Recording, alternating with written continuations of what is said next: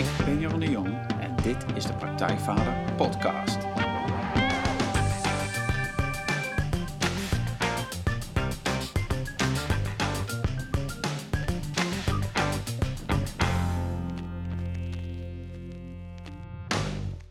Welkom bij een nieuwe aflevering van de Praktijkvader Podcast. Jeroen hier en goed dat je luistert. Zoals elke aflevering interview ik een inspirerende gast die jou verder gaat helpen bij de volgende stap in je vaderschap. Ik vraag schrijvers, coaches, wetenschappers, kunstenaars naar hun vak, hun ervaringen, hun tips en trucs over hoe jij met meer ontspanning en plezier de vader kunt zijn die je kinderen en jezelf gunt. En vandaag is hechtingsexpert, schrijver en antropoloog Marianne van der Veen te gast. Welkom in de podcast, Marianne. Dankjewel, Jeroen. Ja, Heel leuk. fijn om hier te zijn. Ja, mooi. Mooie plek. Marianne van der Veen is al bijna 30 jaar een stille, maar aanwezige kracht in de wereld van bewust en betrokken ouderschap. Ze begeleidt vanuit haar eigen praktijk en diverse organisaties al jarenlang gezinnen op het gebied van borstvoeding en hechting van baby's en kinderen. Tegelijkertijd levert ze met blogs, artikelen en lezingen een belangrijke bijdrage aan het bevorderen van de kennis van professionals in de zorg over het belang van borstvoeding en een veilige hechting. Haar inzet voor het verbeteren van de landelijke huilrichtlijn en de landelijke slaaprichtlijn, die onder andere door consultatiebureaus worden gebruikt, heeft er mede toe geleid dat gangbare adviezen als laat je baby gewoon even een tijdje huilen op basis van wetenschap ontkracht zijn. Marianne vertaalde een aantal opvoedboeken, waaronder één van mijn lievelingsboeken over omgaan met baby's, Veilig samen slapen met je baby van James McKenna, dat onlangs in een mooie en geheel vernieuwde uitgebreide editie verschenen is bij Samsara. Maar Marianne's blikveld is veel breder dan alleen de babyfase van kinderen. De afgelopen jaren heeft Marianne veel onderzoek gedaan naar hoe trauma's bij kinderen ontstaan en hoe wij dat als ouders kunnen voorkomen. En adult supremacy, oftewel domineren van kinderen door volwassenen op een schadelijke manier, is daarbij een belangrijke term, net als adverse childhood experiences. En dat zijn ingrijpende, ongunstige ervaringen in de kindertijd. Nou, daar gaan we het allemaal over hebben. Kortom, Marianne weet zowel uit de praktijk als begeleider als vanuit de wetenschap wat een veilige omgeving voor baby's en kinderen is. Want zoals ze zelf zegt, kinderen gedijen op warme, zorgzame relaties, op ware liefde en oprechte aandacht. Voor volwassenen geldt dat trouwens ook, dus een scherpere focus op hechte relaties ondersteunt de vorming van veerkrachtige individuen en bloeiende gemeenschappen. Nou, Marianne is moeder van vier volwassen dochters en oma van vier kleinkinderen, dus ook die praktijk kent ze van binnen en buiten. We gaan het in dit gesprek hebben over van alles, maar vooral over hoe jij als ouder een optimale, veilige plek creëert voor je kind met alles wat erbij komt kijken. Nou, Marianne. Poel. En nogmaals, welkom Ja. in de podcast. Dankjewel. Ja, eh, dit gesprek zat er al een tijdje aan te komen. Er zit al een paar jaar in de planning. Maar je was druk met van alles. En, ehm, En jij ook? Ja, en ik ook. En, en nu zitten we hier eh, eindelijk samen. Ja. En eh, dat is mooi. En ehm, ja, om maar gelijk te beginnen. Hè, ik zei het in de inleiding al. Veel van je werk gaat over hoe je als ouder een veilige omgeving voor je kind kunt creëren. En een van de kernwoorden daarin is het begrip hechting. Een van de belangrijkste Ja. woorden. En nou wordt het woord vaak gebruikt, door, vaak door professionals in de hulpverlening. Dan hebben we het over een- of een kind veilig is gehecht of onveilig is gehecht. Maar ja, wat, wat is dat nou? Wat is hechting? Kun je dat uitleggen? Wat betekent dat voor jou? En, en kun je ook zeggen wanneer dan een kind veilig of niet veilig gehecht is? Ja, dat is, ehm, dat is nog niet zo simpel. Hè? Als je inderdaad er twee eh, termen van maakt, dan kun je zeggen veilig of onveilig.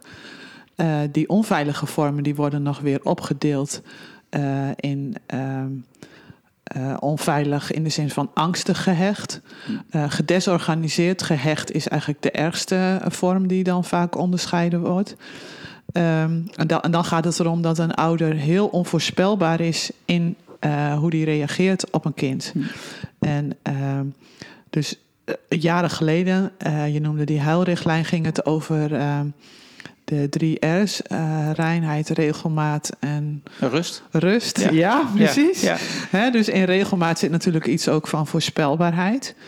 Ehm, voorspelbaarheid is in die zin eh, belangrijk dat eh, als een kind elke keer moet afwachten eh, wat er gebeurt in reactie op het eigen gedrag, of de ouder daar eh, sensitief op reageert, of eh, blij van wordt, of eh, onverwacht boos van wordt, dan, dan kan een kind heel moeilijk bepalen of hij die ouder vertrouwen kan.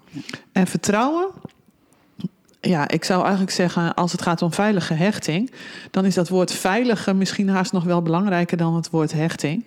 Want uh, een kind dat uh, veiligheid percipieert in de omgang met andere mensen, die uh, is in rust.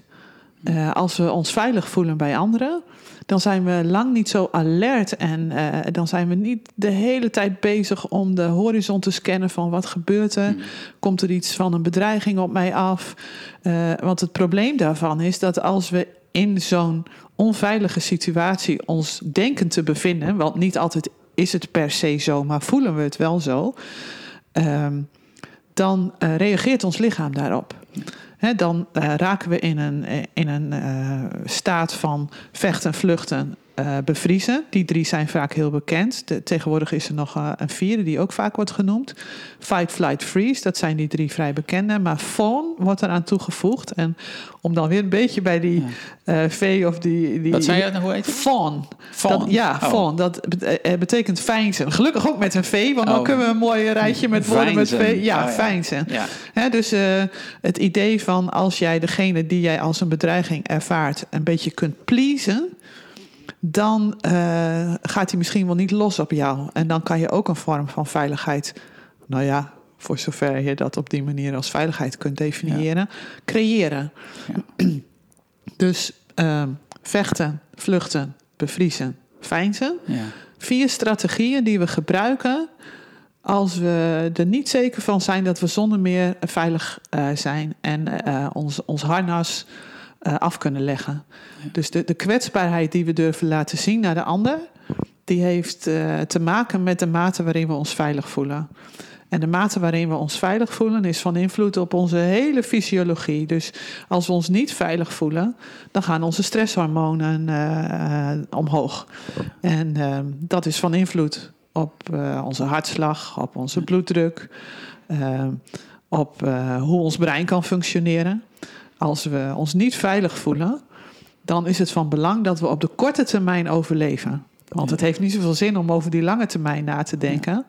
Als je op de korte termijn niet eens veilig bent, want dan kom je bij die lange termijn niet eens aan. En um, wat we dan dus doen, is ons hele lichaam klaarmaken om zo nodig dus te vechten, eh, te vluchten of te bevriezen. En onze hele hormoonhuishouding is daarop gericht.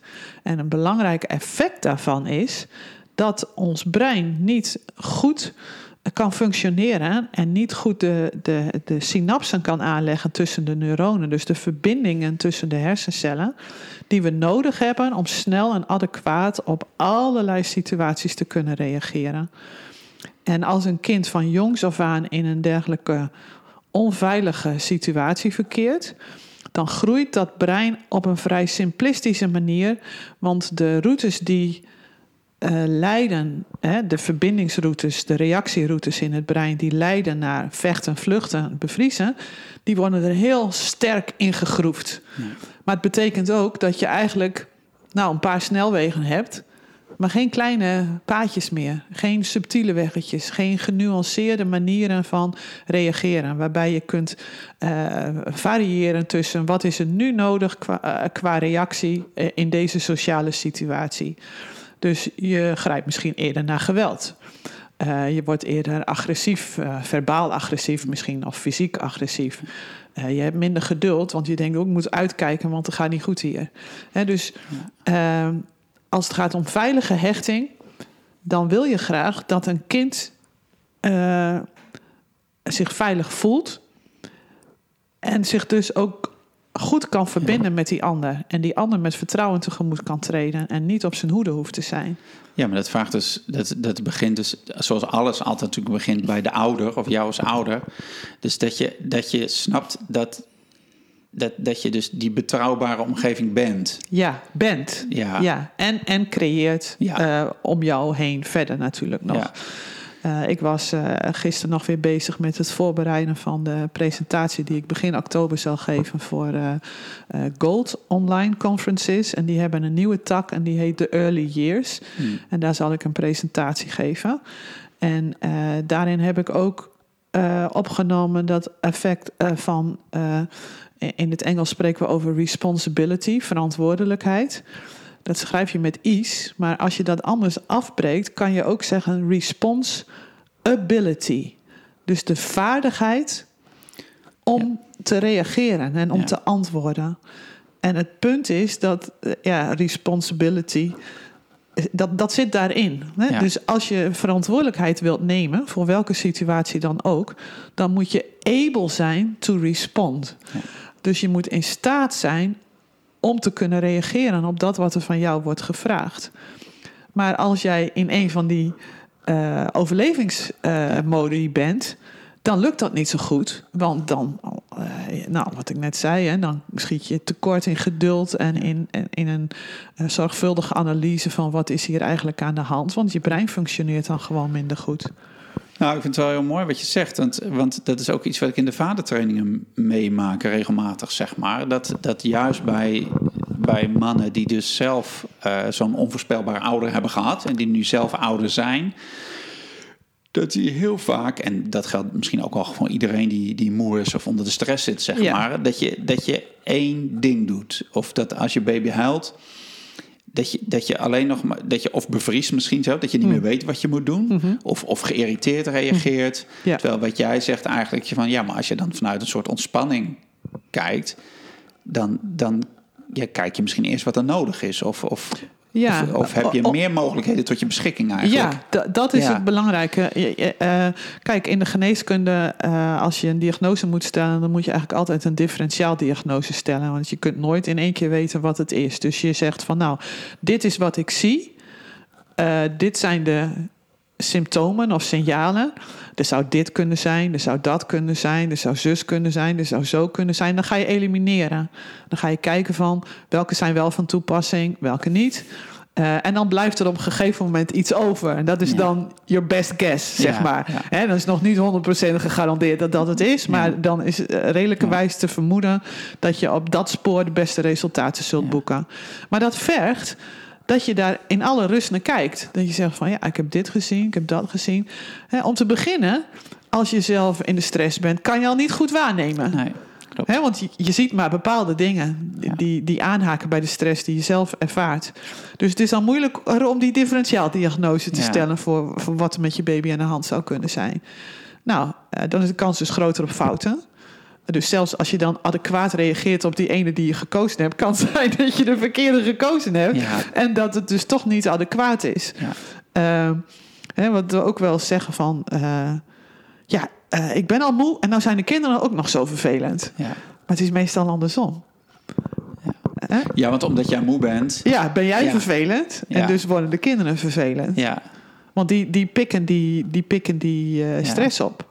ja, En eh, dat, dat, is, dat is een heel eh, lastig iets. Want eh, dat vergt dus dat je heel goed naar jezelf kunt en durft te kijken. Ja. En hoe onveiliger we zijn opgegroeid, hoe enger het is om, heel, om, om met compassie. En hoe moeilijker het is om met compassie, hoe moeilijker moet ik eigenlijk zeggen. Mhm. En soms, soms ook enger, maar vooral ook moeilijker. Om met compassie naar onszelf te kijken. Een belangrijke trauma-expert. eh, Ik ben echt helemaal fan van Gabor Maté. Mhm. Ik zou iedereen willen aanraden Ja. die man op te zoeken. Ja. Typ zijn naam in en je Ja. krijgt honderdduizend filmpjes van hem. Overal op YouTube en weet ik wat. Prachtige boeken ook heeft hij geschreven. Ehm, ja, hij, hij zegt... eh, compassionate inquiry is, is een cruciaal verschijnsel. Eh, bij alles wat we meemaken ontwikkelen we bepaalde reactiepatronen. En die kunnen heel functioneel zijn zolang we ons in die moeilijke omstandigheden bevinden. Maar na verloop van tijd kunnen ze heel dysfunctioneel worden en je dan ontzettend in de weg gaan zitten. Maar kijk met compassie Ja. naar wat ervoor heeft gezorgd dat jij bepaalde gedragspatronen je eigen hebt gemaakt. Want die waren waarschijnlijk zinvol toen je ze ontwikkelde. Ja. En ze hebben je dus geholpen om te overleven in een situatie die heel moeilijk was.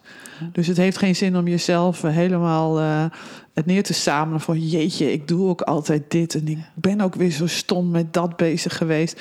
Want daarmee kom je helemaal niet verder. Dat leidt Ja. tot schaamte. Eh, schaamte is een van de grootste struikelblokken voor persoonlijke ontwikkeling. Dus hij moedigt aan tot het, het com- met compassie onderzoeken van je eigen eh, gedragspatronen die jou in de weg staan eh, in je sociaal functioneren. Ja, nou, dat is zo mooi. Het is echt zo één op één wat ik, wat ik gewoon in de training natuurlijk iedere keer zie. Is wat de mannen zeggen, ja, maar ik mocht vroeger eh, niet zijn wie ik was, zeg maar. Hè? Dus, dus, dus, want ik mocht, dus ik heb mezelf maar de onderhouwer kleiner gemaakt. Ja. Of, of hè, dus Ja. zo, mijn gevoel niet geuit. Nou, dat, dat heeft beperkt. En op een gegeven moment gaat het natuurlijk wringen. Ja, Maar ja, ik heb nu zelf kinderen. Ja, en ik merk nu dat dat me in de weg zit. Want ik wil mijn kinderen dat wel voorleven, dat je mag zijn wie je bent. Maar pff, hoe doe ik dat zelf dan, zeg maar? Dus hoe gooi ik zelf die boel open? Ja. Of dan, hoe gooi ik dat harnas af, Ja. zeg maar? En dan komt die afkeuring natuurlijk er weer op. Wat je zegt, ja, maar dat, pff, ja, dat kan ik niet. Of heb ik nooit geleerd en laat maar. En, Ja. maar, het- maar het is wel mooi wat je zegt van die Gabor van, van Compassionate Inquiry. Want dat, dat is echt, ja, dat is toch wat we te doen. Met mildheid naar onszelf kijken. ja. En dus ook snappen wat jij zegt, dat het ergens voor was. Ja, vooral Ja. dat is dus ook. eh, eh, voor mij was dat ook echt een eye-opener toen ik hem dat eh, hoorde zeggen. En ik was in juni 2019 in Londen. Hij sprak daar toen. Ik dacht, Londen is om de hoek, want Ja, hij woont in Canada. Dus ik Oh. dacht, ik moet naar Londen toe, want ik moet die man een keer in het echt zien voordat hij ons ontvalt. Want hij is inmiddels eh eh 6 of 77. Ja, je zou het niet zeggen als je hem ziet, maar het is wel zo. Hij spreekt nog echt overal en online is hij ook heel veel aanwezig. Maar ik wou hem gewoon ook echt een keer meemaken. En het was zo fantastisch. Het, het is zo mooi om hem aan het werk te zien met mensen en dat hele thema helemaal uit te diepen en dan te zeggen van. eh, eh, je, je hebt in een moeilijke situatie verkeerd. Eh, daar was het misschien nodig dat je heel erg voor jezelf opkwam. Omdat jij anders helemaal ondergesneeuwd raakte in alles wat er eh, in je gezin van oorsprong, want dat is, dat, dat is het vaak, ehm, eh, zich afspeelde. Dus je had bepaalde strategieën nodig. Eh, als je een, een, vader had die bij een, een brutaal woord meteen je een lel gaf, dan was het zaak dat jij hem pleasde. Dus jouw, jouw pleasing attitude, die, die was toen heel zinvol. Want anders had hij je misschien weer gemapt. Uh, maar later in het leven, als je altijd alleen maar aan het pleasen bent... en helemaal niet in staat bent om zichtbaar te maken...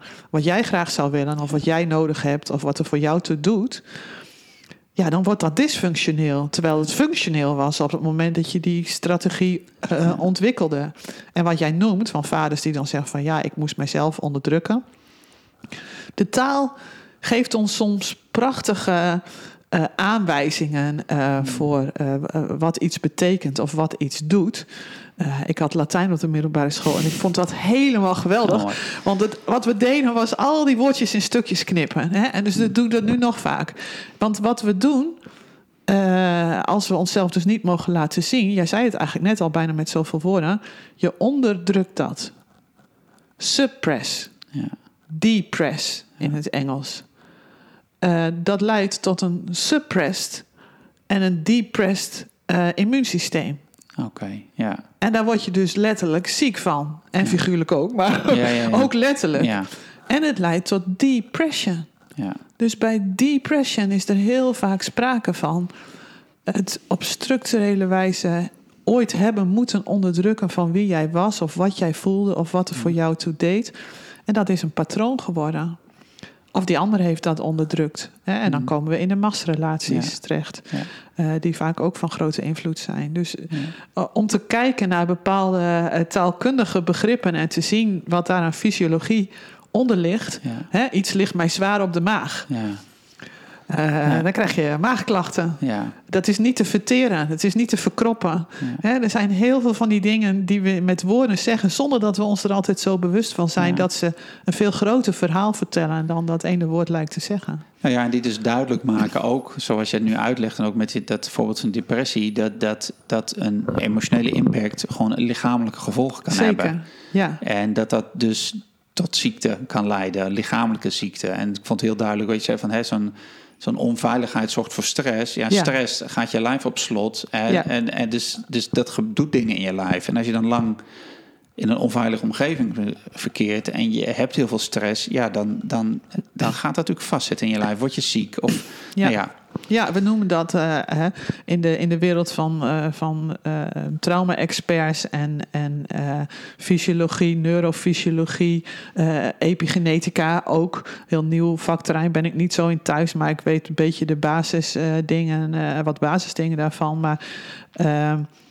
het, het vast gaan zitten in je, in, je, in je lichaam, in je celgeheugen dat heeft natuurlijk te maken met hoe die fysiologie werkt en hoe die hormonen werken en hoe die daadwerkelijk niet alleen voorkomen dat die synapsen goed worden aangelegd, maar ze zelfs daadwerkelijk wegvreten. Dus daarom noemen we dat toxische stress, giftige stress, hè, die, echt, die echt je lijf gewoon uh, vergiftigt. En een immuunsysteem dat daarmee uh, voortdurend onder druk staat en eigenlijk niet goed kan functioneren, heeft het heel moeilijk met allerlei processen die eigenlijk wel zouden moeten functioneren om dat lichaam gezond te houden. En, dan, en dat is heel, heel uh, eng en soms ook confronterend, want uh, kanker is, heeft in feite ook met die stress uh, te maken. de dingen, hè, als we zeggen van het woekert maar voort of het ettert maar door, mm. dan hebben we het vaak niet over die van een hele gunstige processen. Nee. Dan hebben we het over heel problematische ja. processen.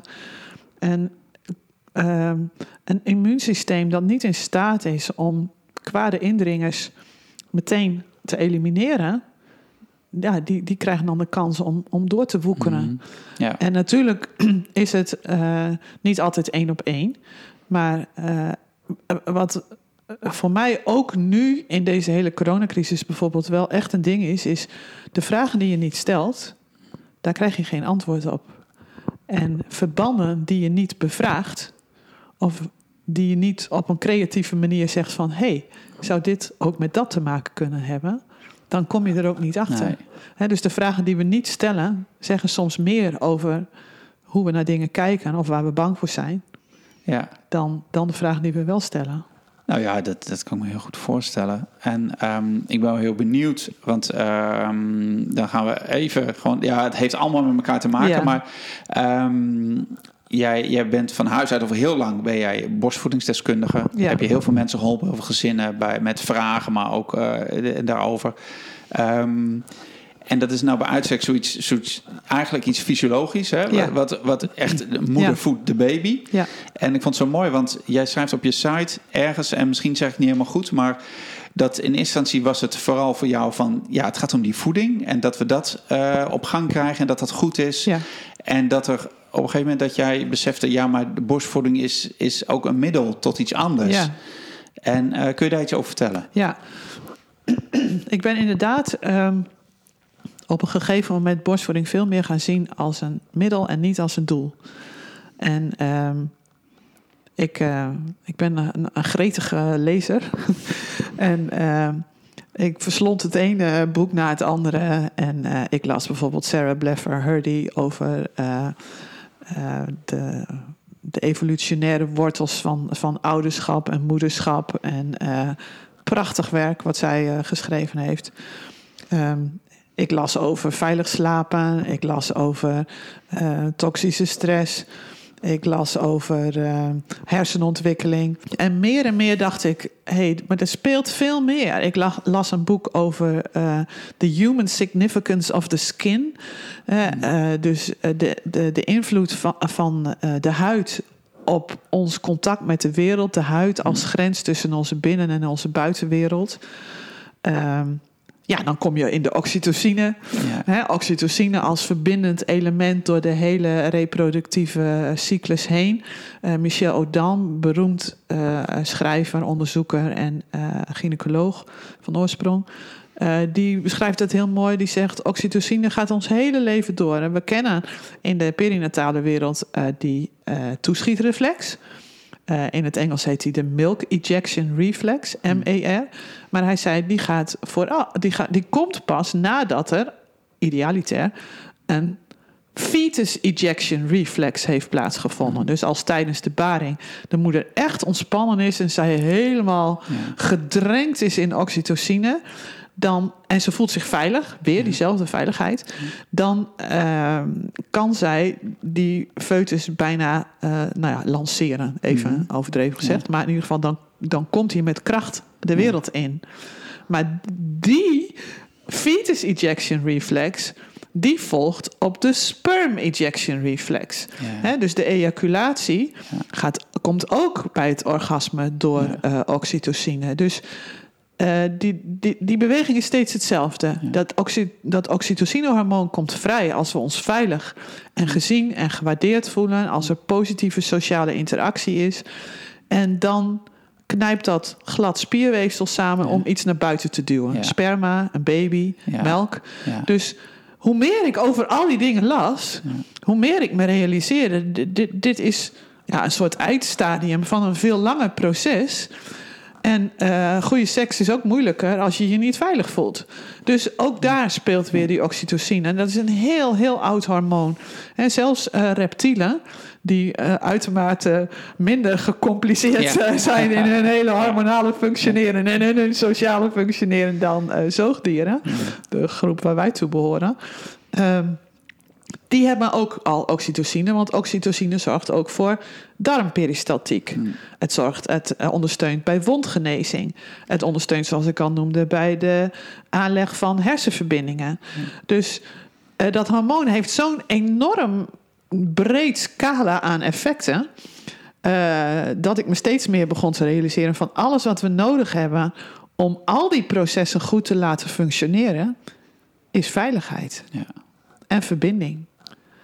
En d- dat maakte dat, ja, dat, dat dat veld waarin ik, waarvan ik dacht: oh, dit is interessant. Hè, de, Ja. de grenzen van wat ik nog interessant vond, die, Ja. die, die, werden steeds, eh, die schoven steeds verder op. Want er is- was steeds meer wat er binnen viel. Ja. Maar ondertussen bleef je nog steeds die moeder zien als, als lactatiekundige. Ja, ik heb de laatste jaren veel, veel minder moeders gezien, omdat ik eh, ook eh, druk ben geweest met mijn studie. In 2014 ben ik gaan studeren en daar vier, vijf jaar mee zoet geweest. En ehm, Maar Marianne, wat vertelde jij? Hè, Op een gegeven moment had jij veel meer kennis. En, maar die vrouwen of die gezinnen Ja. die kwamen bij jou, zeg maar. En hoe is jouw eh, advies of, of hoe is jouw, jouw hulp of jouw steun aan hun veranderd dan? Wat, wat, hoe legde jij dan het belang van borstvoeding uit aan Ja. hen? Want eh, ik vraag het ook omdat natuurlijk, hè, het, is, het, is, het is vaak van waar we nu voor staan, is borstvoeding. eh, het is meer een soort. Ik kies ervoor of kies er niet voor. Ja. Pas bij me, pas niet ja, bij me. ja, ja. Ehm, oh, dat is ook leuk wat je daar zegt. dus, ja. dus ehm, of, of, nou ja, dat, dat zeg maar. En, en weet je, en je kunt flesvoeding geven, je kunt borstvoeding geven. Maar zoals jij het vertelt, het is een heel fysiologisch proces, zeg maar. Wat eigenlijk begint al bij de, bij de, bij de eh, bij, bij, bij de bij het bevruchting. stel. Ja. Bij, bij, eh, wat heel erg doorwerkt. Dus op een gegeven moment, jij wist zoveel daarover. Dus wat vertel je dan nog? Hoe, hoe, Ja, nou, dat, dat, dat is wel even een eh, dingetje. Want ehm, ik was op een gegeven moment gevraagd om voorlichtingsavonden te geven bij een eh, verloskundige praktijk.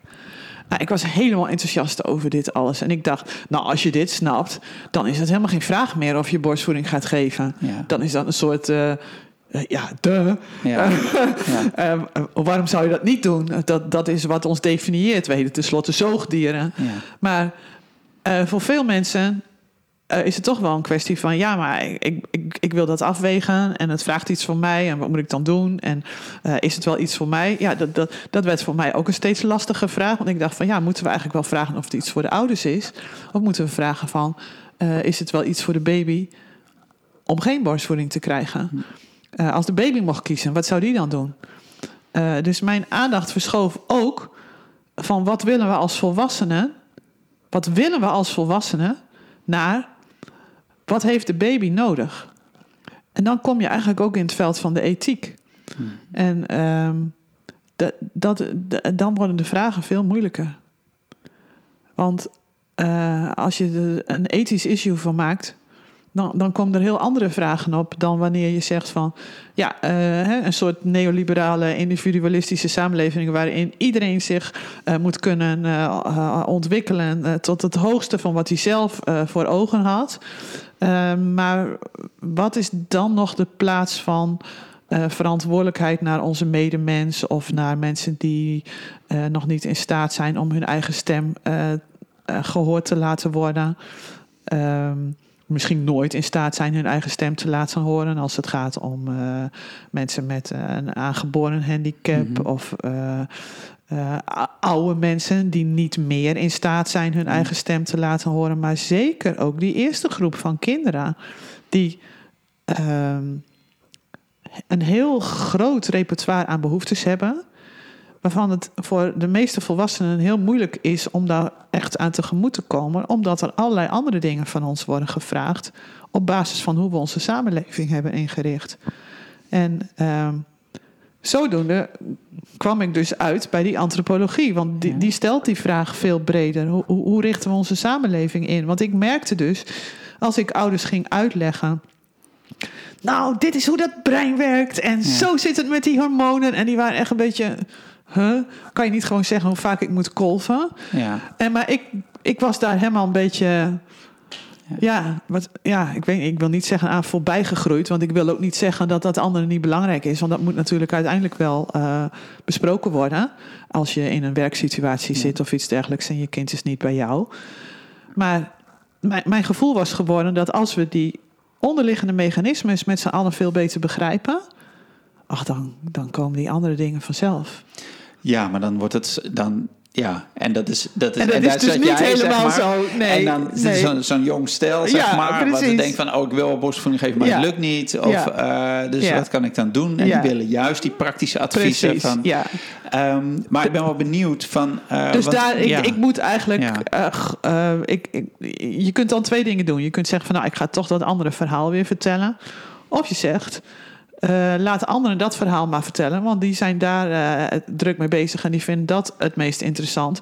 En laat mij dan maar een ander verhaal vertellen. Ja. Op een andere plek, op een andere manier. Ja. En dat heeft ertoe geleid dat ik mij met die landelijke richtlijnen eh, ben gaan bezighouden. Ja, dus ben je Ja. eigenlijk vanuit de directe praktijk naar een, een ander. Ja, Ja. ik ben op een andere manier gaan kijken. En ik merk ook schrijven vind ik geweldig. En eh, eh, daar eh, bij betrekken wat we vanuit de wetenschap weten. Dat vind ik eh, prachtig. En dus ik wil eigenlijk die vertaalslag maken van wat weten we op grond van allerlei vormen van onderzoek. En wat heeft de praktijk nodig? En dan daar iets tussenin. Dus En dan ben ik benieuwd, kun je daar iets over zeggen? En dan blijf toch nog heel even bij die borstvoeding. Van, van wat is er dan nodig? Hè, als, als jij zegt vanuit onze fysiologie, vanuit onze geschiedenis, vanuit Ja. een medisch oogpunt, is, is, is borstvoeding een logische keus. Ik Ja. bedoel, En je zegt, wat zou de baby willen? ja. Hoe kunnen we dat dan, hè, zo'n stel wat net met een kindje is, Ja. eh, hoe kunnen zij dat dan zo, wat kunnen zij doen om die situatie Ja. optimaal te maken? Ja, zodat die, zodat de moeder die borstvoeding kan geven. Heeft die vader daar een rol in? Hoe doen zij dat samen? Nee, dat is een mooie vraag.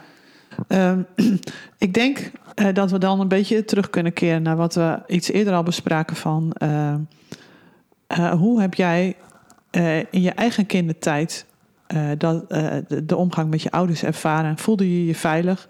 Zo niet, hoe kwam dat? Ehm, en wat zou je nu kunnen doen om die veiligheid voor je kind wel te waarborgen? En wat heb jij nodig om de pijn die nog in jou schuilt te genezen? En dat is een moeilijk proces, want dat, dat vergt vaak ook dat aanstaande ouders of jonge ouders eh, onder ogen zien dat misschien niet alles zo blij en gelukkig was. Nou ja, en zeker op zo'n moment, eh, wat je eigenlijk zegt van ja, weet je, als je zoiets als naar borstvoeding kijkt, het voeden van, van de baby als die net geboren is en het lukt niet, of je vindt het lastig, zeg maar.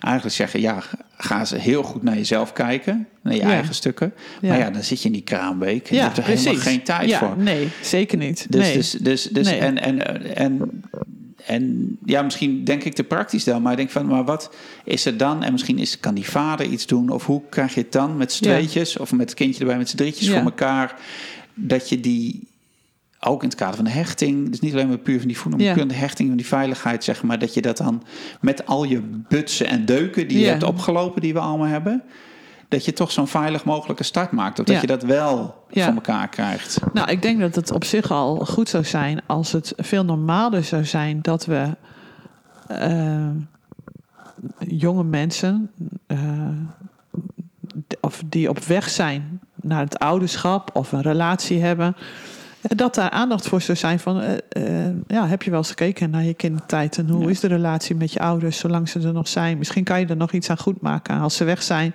dan is dat, ja, soms geeft dat een opluchting, maar dat zegt ook iets over Mhm. hoe, hoe moeilijk, moeizaam de relatie waarschijnlijk was. Dus al eerder te kijken naar hoe ben ik eigenlijk groot geworden? Wat heb ik voor ogen als onze baby er straks is? En veel mensen leven natuurlijk tot aan die eh, bevallingsdatum. Ja. Dat is een soort van heilig moment, want daar moet je naartoe en liefst niet helemaal eroverheen. En dan is het eh, klaar. En dan is het klaar, maar dan begint het Ja, natuurlijk ja, pas. Hè? Dus, eh, nou ja, wat, wat wel wat een mooi begrip is in de sociologie, is het begrip liminaliteit. Hè, dat betekent, limen betekent drempel in het Latijn. En liminaliteit is een fase waarin je overgaat van de ene sociale status naar de andere sociale status. Dus bijvoorbeeld van. eh, eh, middelbare scholier naar student. Daar zit een introductietijd of een ontgroening eh, in. ja. is een liminele fase. Je krijgt een nieuwe status, je wordt student. Ehm, eh, van de lagere school naar de middelbare school. Een hele lange zomervakantie. Ja. Van niet ouder naar wel ouder. Het kraambed. Van niet getrouwd naar wel getrouwd. De huwelijksreis of de, of de, ehm, de wittebroodsweken. Ja, ja. Ehm, nou ja, zo zijn er allerlei van die eh, periodes in het menselijk leven die een, een, een sociale statusverandering eh, met zich meebrengen. Zonder dat het totale veld verandert, hè, want het totale veld blijft gelijk. Eh, maar jij krijgt binnen dat totale veld een andere sociale status. Er zijn andere rechten aan gekoppeld, er zijn andere plichten aan gekoppeld, andere verantwoordelijkheden. En we markeren dat in onze neoliberale samenleving vaak niet met rituelen. In heel veel niet geïndustrialiseerde samenlevingen, eh, ook wel traditionele samenlevingen genoemd, maar ja, er zitten weer allerlei lastige connotaties aan. Ehm, maar ehm, minder geïndustrialiseerde samenlevingen worden dat soort momenten vaak wel met een ritueel Ja. bekrachtigd. Waardoor veel duidelijker wordt. Er komt iets nieuws aan voor jou. Daar, daar horen allemaal nieuwe dingen bij. Die moet je nog leren. En dat is oké dat je ze mag leren. Hè, want vaak is het natuurlijk eh, ook hè, als het gaat om lichaam en geest, daar hebben we die dualiteit. Lichaam en geest. In de, in de westerse geneeskunde speelt die nog heel erg. Terwijl we weten dat die niet bestaat, want het lichaam is één groot organisme waarin lichaam en geest en, en, en, en ziel voortdurend eh, eh, op elkaar eh, reageren. Maar je kunt ook kijken naar, en kun je iets wel of kun je iets niet? En dan denk je ook heel dualistisch, ja of nee. Maar je kunt dingen ook in een continuum zien. En dan bevind je je ergens op dat continuum.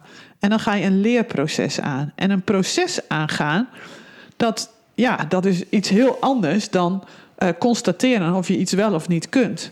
Maar het markeren in die liminaliteit van die overgang eh, laat veel duidelijker zien dat je in een proces zit. Ja.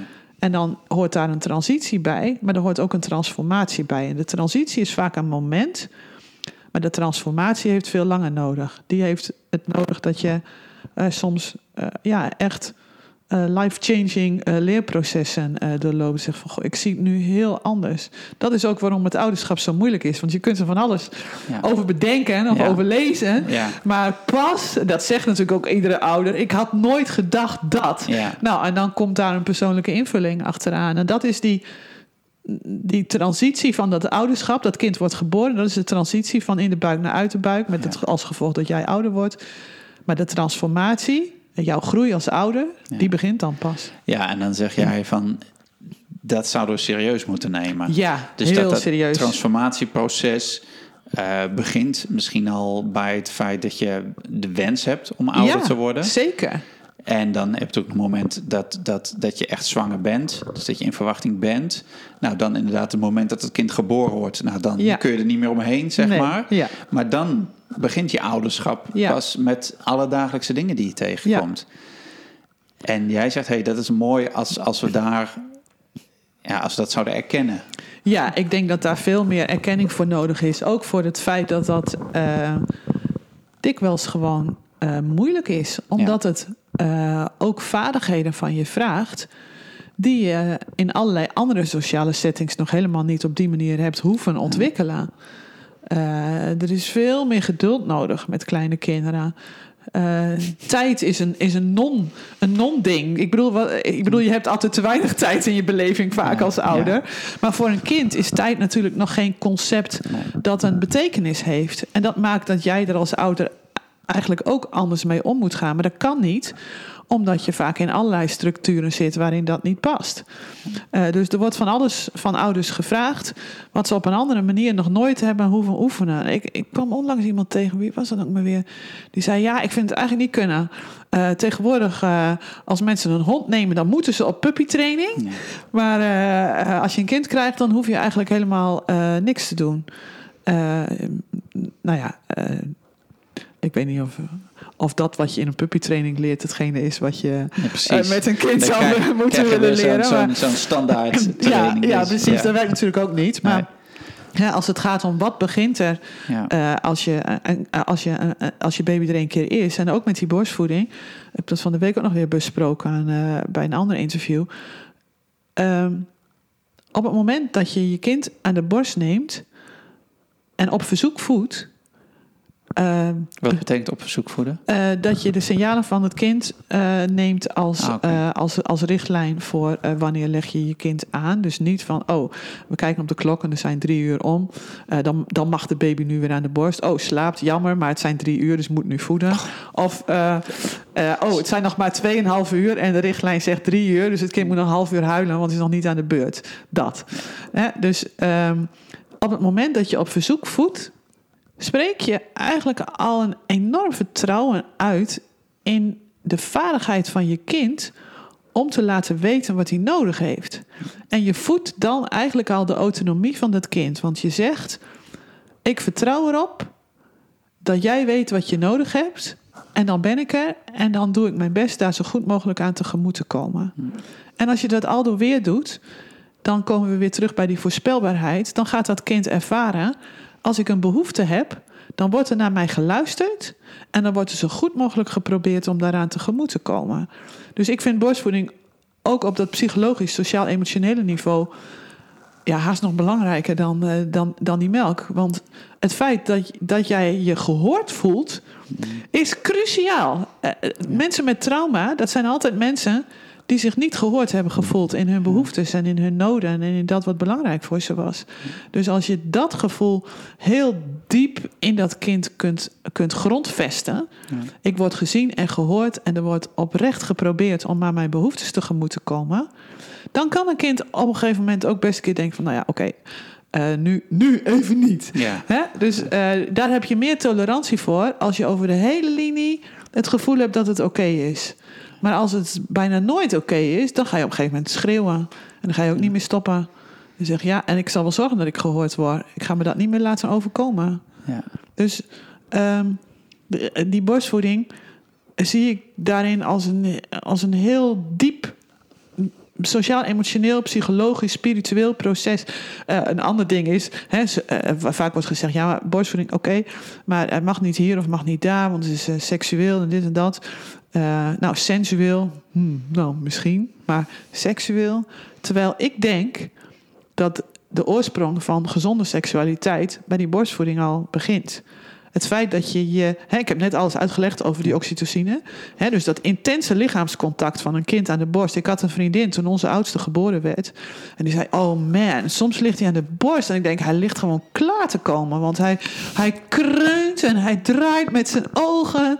En eh, nou, ik moest ontzettend om lachen. Ik vond het heel hilarisch dat ze, dat ze die vergelijking eh, maakten. Maar ja, zo raar is die eigenlijk helemaal niet. Want het gaat gewoon over oxytocine. En het gaat erover dat jij met je eigen zijn, met je hele wezen als baby. Je mag verlustigen aan dat andere lijf dat helemaal beschikbaar is voor jou. Nou ja, dat, dat is toch eigenlijk ook wat seks is. Maar veel mensen vinden dat een heel enge gedachte. Oh god, hoe moeten we dit nou met elkaar eh, rijmen? Maar ik denk als je dat allemaal fysiologisch bekijkt... Ja, ik zie het probleem niet, eerlijk gezegd. Nee, maar het zijn de gedachten en het verhaal wat erbij komt. En Ja. de blik waarmee gekeken Ja. wordt, die natuurlijk bepalen dat dat dat seksueel is. Terwijl als je, hè, zoals jij nu ook, het is, het is, ja, het is een kind, moeder, voeding, maar Ja. nog veel meer dan dat. En het is op een heel diep spiritueel, psychologisch niveau intens bevredigend. ja. En eh, eh, het, het legt een fundament onder het leven van dat kind, waarbij het weet van ik mag er zijn zoals ik ben. Als het gaat over uh, body shaming, uh, ja, dat, dat is natuurlijk niet aan de orde op het moment. Hè, wat die moeder zei van jij houdt niet van mijn borst en jij vindt mijn borsten lelijk. Daar zit een heel verhaal van body shaming of, of seksueel geweld of wat ook onder, vrijwel zeker. Ik heb dat toen niet helemaal uitgediept met haar, maar. Ehm, uh, op het moment dat een kind zich helemaal aanvaard voelt en een positief lichaamsbeeld ontwikkelt en weet dat lichamelijk contact fijn is en dat een bloot lijf uh, niet meteen over seks gaat en dat samen in één bed slapen niet meteen over seks gaat, uh, dan dat zijn allemaal sociaal geconstrueerde percepties die niks te maken hebben eigenlijk met, met wat lichamelijk contact kan of, of, of, of, zal kunnen betekenen uh, voor een pasgeboren baby. Die niet zonder kan, omdat hij doodgaat als hij dat lichamelijke contact ontbeert. Ja, mooi. Ja, dan noem je zoiets. Want daar wilde ik ook graag met je over hebben. Over, um, over, over het samen slapen. Ja. ja, want dat is een van mijn favoriete onderwerpen als het gaat over baby's. En ja, jij was nog keer op televisie, toch? Ja, daar ja. hebben we het heel weinig over. Ja. En uh, kijk, waar, waar, borstvoeding, of, dat is nogal, daar kunnen we het over hebben. Uh, en wel of niet, zeg maar. Dus dat, dat, is nog een gespreksonderwerp. Maar het slapen met je kind of met je baby in bed is nog een stuk controversiëler. Zeker. Um, en de, een van de eerste blogs die ik ooit schreef op de Praktijkvader website, is nu zeven jaar geleden denk ik. Die heet ook Slapen als een leeuw. Dus hmm. dat gaat over met z'n allen bekluitjes slapen, zeg maar. Net zoals de dieren dat doen, net zoals leeuwen dat doen. En uh, nu heb jij ook weer dat, dat prachtige boek van James McKenna. De nieuwe editie heb jij opnieuw vertaald. Ja. Um, en nou, superboek, een van mijn uh, lievelingsboeken was het al. En nu, ik ben ja. heel benieuwd naar een nieuwe editie. Um, maar ja, mijn kinderen die zijn geen baby's meer, dus die ja. slapen echt niet meer bij mij in bed. Nee, nee, nee, nee. dat houdt vanzelf een keer op. Ja, ja. ja, ja dus dat is ook zo. Maar ik ben benieuwd, um, volgens jou, uh, wat zouden mensen moeten weten over het slapen met je kinderen? Los van of ze het nou gaan doen of niet, ja, maar, maar wat precies. zouden ze moeten weten? Want er zijn, oh, dat is ook, oh, dat is niet veilig. Oh, ik ga boven mijn kind liggen. Oh, ze gaan nooit meer uit mijn bed. Allemaal die, die dingen, zeg maar. Maar wat zouden ze nou moeten weten?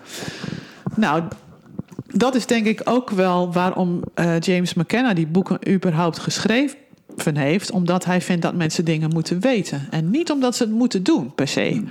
Uh, welke keuze je ook maakt, zegt hij, het is belangrijk dat je op de hoogte bent van een aantal aspecten ervan. Van de eigenschappen, van de dingen die je onder de loep uh, zou moeten nemen op het moment dat je besluit dat je uh, uh, op structurele basis met je kind in één bed wilt slapen. Maar hij raadt aan om überhaupt je slaapomgeving goed onder de loep te nemen als je één keer een kind hebt. Omdat bijna alle kinderen vroeg of laat, wel of niet bedacht, wel of niet voorgenomen in dat bed van die ouders belanden. En dat weten we ook allemaal. Ja, dat weten we ook allemaal. Ook al zeggen we dat niet zo is. Ja, ja, ja, ja dus wat hij zegt is uh, het is vooral uh, problematisch als je er nog nooit naar hebt gekeken, naar je, naar je slaapomgeving. Van zou dit eigenlijk een veilige plek zijn voor een kind? En als je dat uh, gewoon standaard, uh, of nou standaard, maar als je dat doet op het moment dat er een baby in huis is. Dan uh, ga je kijken van zijn er spijltjes waar een kind bekneld tussen kan raken. En als het bij mij in bed ligt, heb ik allemaal losse lintjes aan mijn beddengoed waar een kind in verstrikt kan raken. Ik heb lange haren en heb ik s'nachts een elastiek in. Of heb ik mijn haar los en kan het kind daarin in de knup raken. hoe dik is ons beddengoed? slaapt mijn partner als een blok en rookt en drinkt hij voordat hij naar bed gaat? rook en drink ik zelf overdag voordat ik naar bed ga? Gebruiken we medicijnen? Uh, hoe stevig is ons matras? Komen daar allemaal kuilen in als we daarin gaan liggen met elkaar? En raakt dat kind daarin uh, klem? Uh, dus er zijn allerlei heel praktische dingen die je onder de loep zou moeten nemen. om te kijken of die slaapomgeving fysiek veilig of onveilig is. Dat moet je sowieso doen, zegt hij. Als je dat nou gewoon doet. En als. Oh, hij heeft zelfs een pleidooi in de laatste versie nu ook weer van. fabrikanten van bedden. Zouden die bedden gewoon zo moeten ontwerpen dat ze standaard veilig zijn, dan hebben we al dat gedoe niet. Nou, dus dat zijn een aantal, dat zijn dingen die je heel praktisch kunt doen. En daarnaast zegt hij, is het belangrijk om af te wegen voor jezelf. Ehm, hoe kijk ik naar het ouderschap? Wat is voor mij belangrijk? Op welke manier wil ik tegemoetkomen aan de behoeftes van mijn kind? Um, wat weet ik over wat het eh, wat het doet voor een kind om s'nachts iemand heel dichtbij te weten. En dan komen we weer op die fysiologie en op die hersenontwikkeling. Ehm, Want is dat zo? Is het, is het, eh, is het voor een kind eh, gezonder, om het zo maar te zeggen, om in de buurt van de ouders te slapen? Het is, eh, eh, kijk, een kind is niet een. we hebben natuurlijk heel veel gadgets tegenwoordig in ons leven. En dan op een gegeven moment ga je naar bed en dan zet je ze uit. Ook niet altijd trouwens, heel veel mensen, maar misschien meer. Maar een gadget kun je aan en uit doen. Maar een baby gaat niet s'avonds om 11 uur uit en s'morgens om 7 uur weer aan. Die behoefte aan nabijheid van een stabiele. Eh, co-regulerende eh, volwassene die jou eh, troost en veiligheid biedt, die behoefte is er bij een baby 24/7. En ehm, dus dat stopt niet.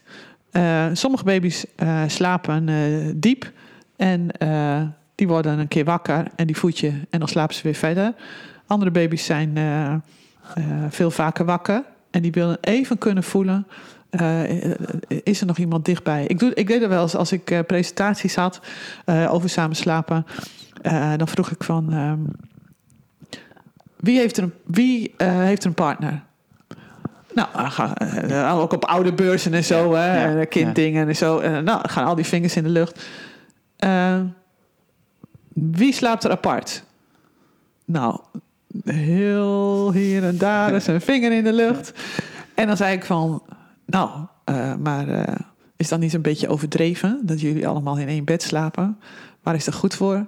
Je kunt toch wel alleen slapen? Je weet toch wel eh, dat je partner ergens anders in huis is?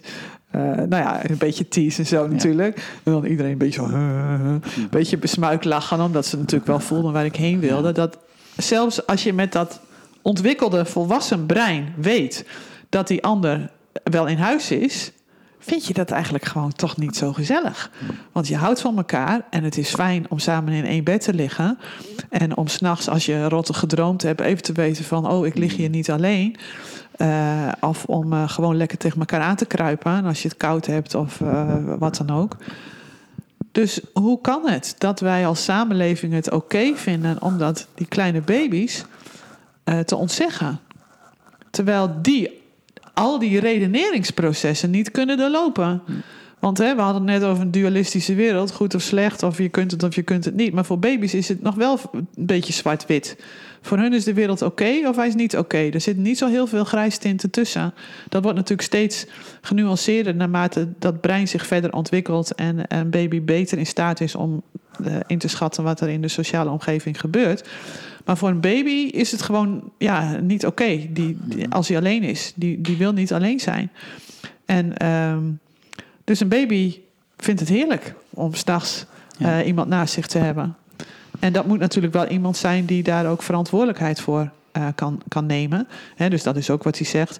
Eh, leg een baby niet naast een peuter van twee of drie. Ja. Want ja, die, die kan daar niet genoeg verantwoordelijkheid voor nemen. Dus je moet eh, een welbewuste, eh, eh, niet benevelde Ja. eh, volwassene hebben die zich voorneemt. ik ga met dit kind in één bed liggen. Ja. Zoals we, als je s morgens heel vroeg op moet staan omdat je een trein of een vliegtuig moet halen, dan word je vaak al een beetje eerder wakker. Ja. En, en dan kijk je even op de wekker. Oh nee, nee, ik kan nog even slapen. Maar er- zit een alertheid. Mhm. Ouders die doelbewust met hun kind samen slapen, die ontwikkelen ook een bepaalde alertheid. Die weten dat dat kind daar in dat bed ligt. Eh, nou, is, nou zakt dat ook wel eens een beetje weg. Hè? De meeste ouders die veel samen slapen zeggen van... Oh, heb jij er vannacht teruggebracht? Eh, waar is ze? Hè? En dan blijkt toch de andere partner, eh, Ja. terwijl die ene diep sliep, de baby even eh, in het eigen bedje te hebben gelegd of zo. En- Ja, maar dat is, dat is grappig dat je dat zegt, want dat kan ik me wel herinneren. Maar, maar wat, wat ook, maar wij hebben heel lang samen geslapen. Eh, met alle drie de kinderen. Op een gegeven moment lagen ze alle drie in bed. Maar je, je gaat nooit op je kind liggen.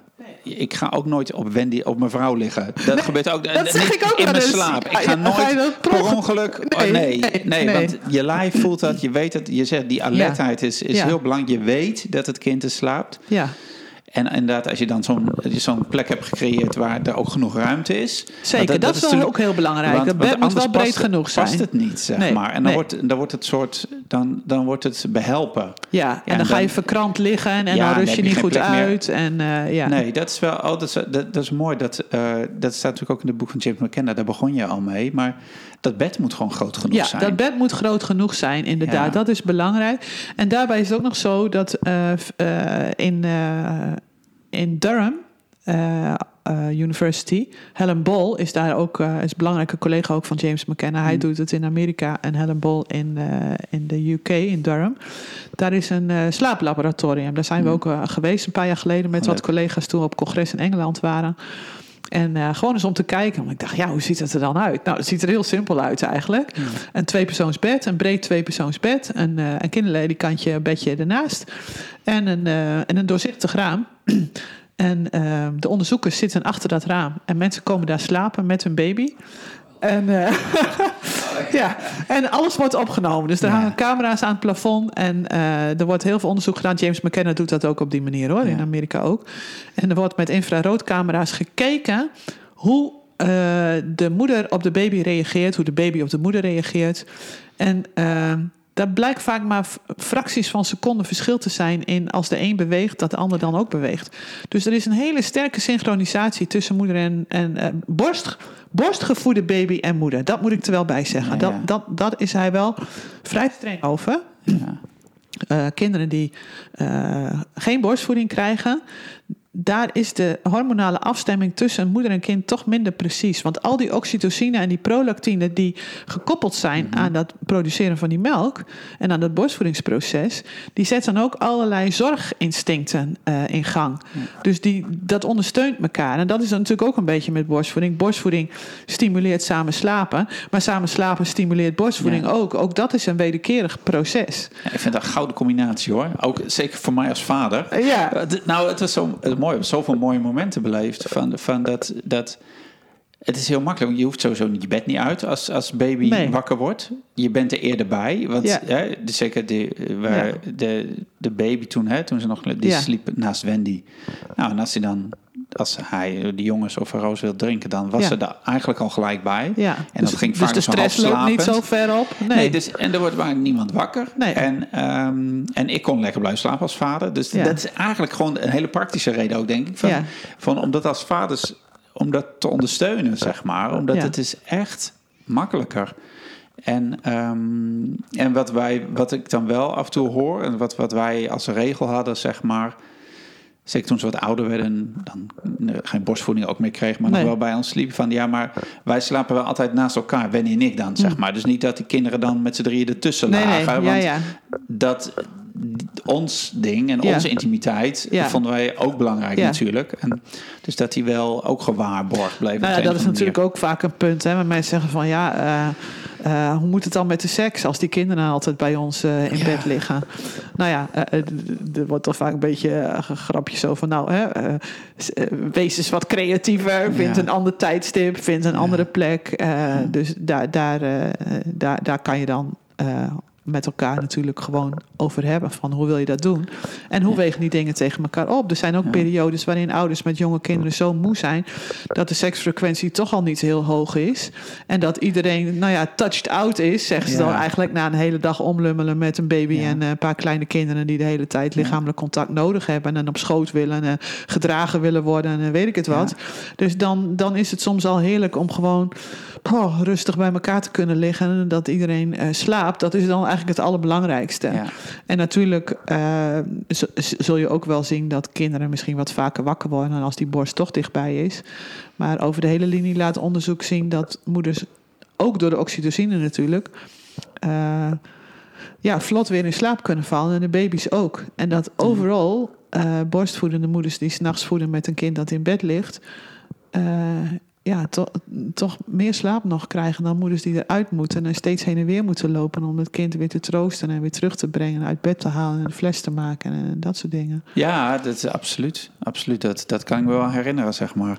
Hey, en als nou mensen... O- overigens vind Ja. ik het ook heel begrijpelijk als mensen op een gegeven moment zeggen van ik ben even helemaal crazy van al die kinderen om mij heen. Hè. En nu rot op, wegwezen. Ik wil je even gewoon niet meer eh, aan mijn lijf hebben plakken.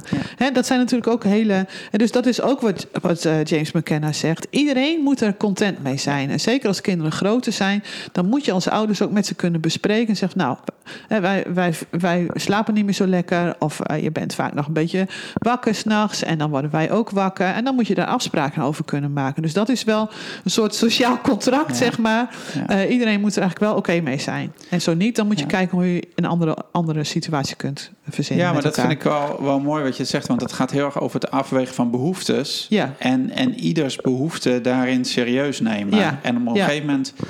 eh, ja, ik vond het wel heel mooi wat je zegt van, toen net over de borstvoeding. Van ja, maar wat wil het kind, zeg maar. Hè? Dus ja, ik kan wel zeggen dat, het, dat ik het onhandig vind. Maar wat Ja. wil het kind? Ja, En als ik die behoefte serieus meeneem... ja, Oké, en dan heb ik mijn eigen behoefte. Die, en welke keuze maak ik dan? ja, En dat is met dat samenslapen natuurlijk ook van ehm, dat ja, past het nog? Of, of ehm, wij hebben op een gegeven moment ook gewoon gezegd, ja, nu is het gewoon klaar. En Ja. toen waren ze echt wel echt wel groter, echt wel kleuters. En, en, eh, en, Ja. eh, toen was de oudste, die was al weggegaan naar zijn Ja. eigen kamer. En, en de jongste twee, die sliepen nog bij ons. En toen had ze, ja, pff, nu is het wel tijd dat we ons eigen bed weer... En je kunt het natuurlijk Ja. best een beetje aantrekkelijk voor ze maken door te zeggen: jongens, we gaan eh, Ja. een leuk stapelbed kopen. Of eh, ik was onlangs bij iemand en die had dan eh, een soort ja, tent gemaakt. Dus dat, dat kind was elke nacht aan het kamperen, bij wijze Ja, van spreken, met speciale lampjes en Ja. mooi eh, jungle behang en zo. Dus je kunt daar natuurlijk best dingen doen die, die dat ondersteunen. Maar inderdaad, wa- wat zijn, zijn de behoeften van iedereen? Waarbij natuurlijk. toch wel, ik zeg dat wel eens een beetje zo eh klierig van. Ik vind dat je als ouders voornamelijk plichten hebt en als kind voornamelijk eh, rechten. Eh, nou ja, overal. Ja. Hè, en dat, dat, dat gaat natuurlijk schuiven naarmate de kinderen groter worden. Ja. Eh, en dan hebben ze ook meer verantwoordelijkheden en dan mag je ook best iets van ze vragen. Maar daar, daar speelt dan toch dat trauma weer doorheen. Hoe, Ja. hoe, hoe meer we niet gekregen hebben als kind wat we nodig hadden, hoe langer die behoeftes blijven. En hoe langer we dan ook vinden van ja, maar ik heb ook wensen, ik heb ook behoeftes. Maar zijn dat behoeftes van nu? Of zijn dat behoeftes die gevoed worden door de, door de pijn die er van vroeger uit nog is, waarin je niet kreeg wat je nodig had? Want eh, als we dat in een ethisch licht plaatsen, he- hebben we als volwassenen toch een bepaalde verantwoordelijkheid om de zwakkere partij te beschermen. En een kind is in heel veel opzichten natuurlijk toch de zwakkere eh, partij. En eh, ja, je, je noemde in je introductie ook hè, dat, dat concept van adult supremacy, waar ik dan mee bezig ben. Ik, ik, ik las tijdens de studie ook heel veel over hè, white supremacy is een heel groot ding. Die, die blanken of witten, moeten we Ja, nu zeggen. ja. Eh, die altijd maar denken dat zij meer rechten hebben dan, eh, dan, dan niet, niet eh, blanken of niet witten. Male supremacy. Hè, ik zag vanochtend weer een berichtje. Ze willen een quotum in het leger, want er moeten meer vrouwen in dienst. Dat is nog altijd niet zo. Beloning is ook nog niet gelijk. Maar ik dacht, hoe, hoe, hoe zit dat eigenlijk met die machtsverhoudingen? Hoe komt dat eigenlijk? Wa- wa- waardoor komt het dat we een andere bevolkingsgroep of een andere sekse eh, discrimineren? Want die heeft ook ja, eh, in principe ongeveer dezelfde behoeftes. Die wil zich ook kunnen ontplooien. Die wil ook gezien en gehoord worden. Die wil ook een fatsoenlijke salaris voor, de, voor het werk dat wordt gedaan. Ehm, ja, met alles wat ik over fysiologie had gelezen, dacht ik, dit is eigenlijk toch een gebrek aan empathie eh, voor de behoeften van die ander.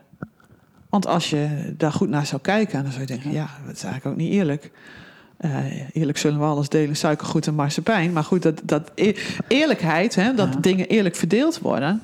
Dat, dat is een principe wat, nou, wat de meeste mensen in ieder geval op kleine schaal wel eh, aanhangen. Maar in de, op een grotere schaal van het wereldtoneel werkt het natuurlijk helemaal niet zo uit. En in de verhouding tussen volwassenen en kinderen werkt het vaak ook niet zo uit. En als je weet hoe het brein zich ontwikkelt, dat empathie groeit onder invloed van een krachtige veiligheidsperceptie, waarin je niet al door jezelf hoeft te verdedigen, dan eh, zou je kunnen zeggen: een, situatie waarin de volwassen belangen altijd zwaarder wegen dan de kindbelangen, eh, frustreert de ontwikkeling van een krachtig empathisch eh, vermogen. En ik, ik, ik ga nu even in uh, reuzensprongen Nou ja, maar uh, ik vind het wel heel fascinerend. Want dat is natuurlijk wel van hoe wij eigenlijk traditioneel, maar denk ook gewoon uit gewoonte Precies. met de kinderen omgaan. Ja. Van ik ben de ouder, ik ben de vader. Ja. En misschien niet eens ik weet het beter, maar ik ben groter, ik ben sterker, mijn stem is harder. Dus ik bepaal Dus eigenlijk gewoon. Ja, precies. en dat Ja. niet eens bewust, maar Nee, zo, nee. zo gaat het, Ja. zeg maar. Ja, en dat is natuurlijk heel erg sociaal eh, geconstrueerd. Het voordeel van sociaal geconstrueerde dingen is dat je ze dus ook kunt veranderen als je dat zou willen. Ja. Hè? Als het eh, biologisch is, Ja. ja. dan is het veel moeilijker. Maar Ja. als het sociaal geconstrueerd is, niet dat het eenvoudig is, want het is wat jij zegt. Het zijn ingeslepen patronen waar je niet zo gemakkelijk van afkomt en die vaak zo vanzelfsprekend zijn dat we ze helemaal niet eens ter discussie stellen. En weer datzelfde wat ik eerder zei: van vragen die je niet stelt, dan krijg je ook geen antwoorden op. Ehm, maar eh, ik, ik ik ben zover dat ik denk dat eh, male supremacy en white supremacy het gevolg zijn van adult supremacy. Ja. Als we met z'n allen op mondiale schaal, dat is wat eh, Robin Grill schrijft in zijn boek eh, Parenting for a Peaceful World, waarin hij de hele geschiedenis van kinderarbeid ook helemaal doorloopt en zegt eh, van ja, wat, wat heeft dat allemaal voor impact gehad op hoe kinderen, hoe, hoe de plaats van kinderen in de samenleving is. Ehm, als we met z'n allen kinderen in een veilige omgeving zouden kunnen laten opgroeien, zodat ze niet, zoals sommigen zeggen, van hun kindertijd hoeven te genezen, omdat ze zoveel ACEs hebben, Adverse Childhood Ja. Experiences, maar met een empathisch vermogen groot worden, eh, met compassie eh, zelfonderzoek kunnen doen en dan ook met compassie kunnen kijken naar mensen eh, om zich heen. Ja, dan, dan, Ja. dan krijgen we een heel andere wereld. Ja, Maar ja, dat, dat, is, dat is zo. Alleen al zoiets simpels, nou ja, tussen aanhalingstekens, als de duur van het bevallingsverlof. ja. We weten dat kinderen gebaat zijn met een, een vast punt in die vroege levensfase. Eh, als dat verlof langer zou zijn en niet zo'n impact zou hebben op de ontwikkeling van je carrière, ja. Eh, als ouderschap in hoger aanzien zou staan. Niet als een dingetje wat je er even bij doet of wat je Ja. eh, helemaal uitbesteedt aan wie dan ook, eh, wie dan, welk, wat ook maar dichtstbij is als oplossing voor jouw neoliberale arbeidsplicht. Ehm, dan, dan, dan, dan zouden we daar ook anders naar kijken. Ja. Als samenleving anders naar kijken. Ja. Maar dat, dat, dat is heel vaak niet zo. Nee, maar dan, dan, dat is echt een soort radicale andere kijk naar ehm, wat, wat, wat eh, kindertijd is, zeg maar. Ja, zeker. Wat, wat, wat, kinder, wat opgroeien is, eh, wat, Ja. maar ook wie kinderen zijn. Wie kinderen zijn. En je kunt natuurlijk eh, eh, zeggen van... ja, we, we kunnen ons het niet veroorloven om zo lang bevallingsverlof toe te staan... Of, of, of te organiseren. Of we kunnen het ons niet veroorloven dit of dat. De vraag wordt zo langzamerhand ook of we het ons kunnen veroorloven... om dat allemaal te negeren. Een concept wat ik ook tijdens mijn studie... voor mijn masterthese heb gebruikt... is uncomfortable knowledge, ongemakkelijke kennis. En de definitie van die eh, auteur is eh, kennis die enerzijds de status quo eh, verstoort, die disruptief werkt voor hoe alles functioneert, maar die anderzijds ook schade geeft als je hem negeert. Hè, het feit dat er zoveel depressie en, en, en zelfmoord is enorm toegenomen, geloof ik ook de afgelopen tijd. En mental health issues. Ja. Eh, de, de, de, de drugs, het drugsgebruik en de op, op straat beschikbare drugs loopt helemaal uit de hand. In Amsterdam ook. Waarom zijn zoveel mensen verslaafd? En diezelfde Gamer Maté die geeft als definitie voor verslaving alles wat, alles wat een tijdelijke verlichting van pijn geeft, wat op de korte termijn effectief is, wat je niet kunt loslaten, maar wat op de lange termijn schade geeft, is verslaving. En het mooie daarvan is, vind ik, dat hij niet praat over drugs of alcohol of roken of wat ook. Hij zegt alles wat een tijdelijke verlichting van de pijn geeft. Dus dat kan ook zijn eh, achterlijk hard aan het werk zijn, altijd maar. Omdat werk status geeft. Ehm, hele gevaarlijke sporten doen. Eh, porno, Mhm. gamen. nou ja, je kunt eigenlijk zo gek niet verzinnen. Het telefoongebruik. Eh, altijd achter een scherm eh, zitten. Alles wat helpt om een tijdelijke verlichting van pijn te genereren.